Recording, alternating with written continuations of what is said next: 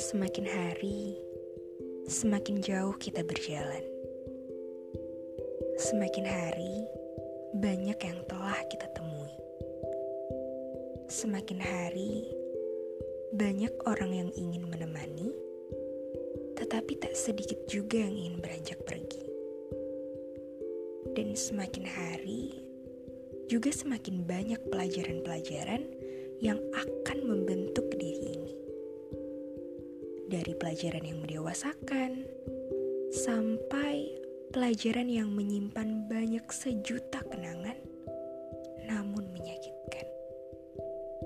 Dan terkadang itu yang membuat timbulnya berbagai pertanyaan. Kenapa harus aku yang merasakan ini? Kenapa bukan dia saja? Aku sudah banyak menghadapi kesengsaraan ini, Tuhan. Tolong, Tuhan, jangan beri aku rasa sakit lagi. Itu mungkin berbagai kata-kata yang kita ucapkan saat kita sudah benar-benar ingin melarikan diri dari rasa sakit.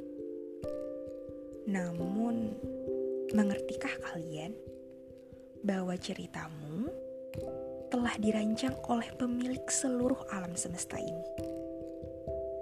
Terkadang cukup banyak hal yang sulit selalu datang menghampiri. Sampai kadang membuat kita juga merasa tak sanggup untuk menghadapi. Tapi percaya saja bahwa sedih dan bahagia layaknya seperti pergantian musim. Dia akan terus silih berganti tepat pada waktunya.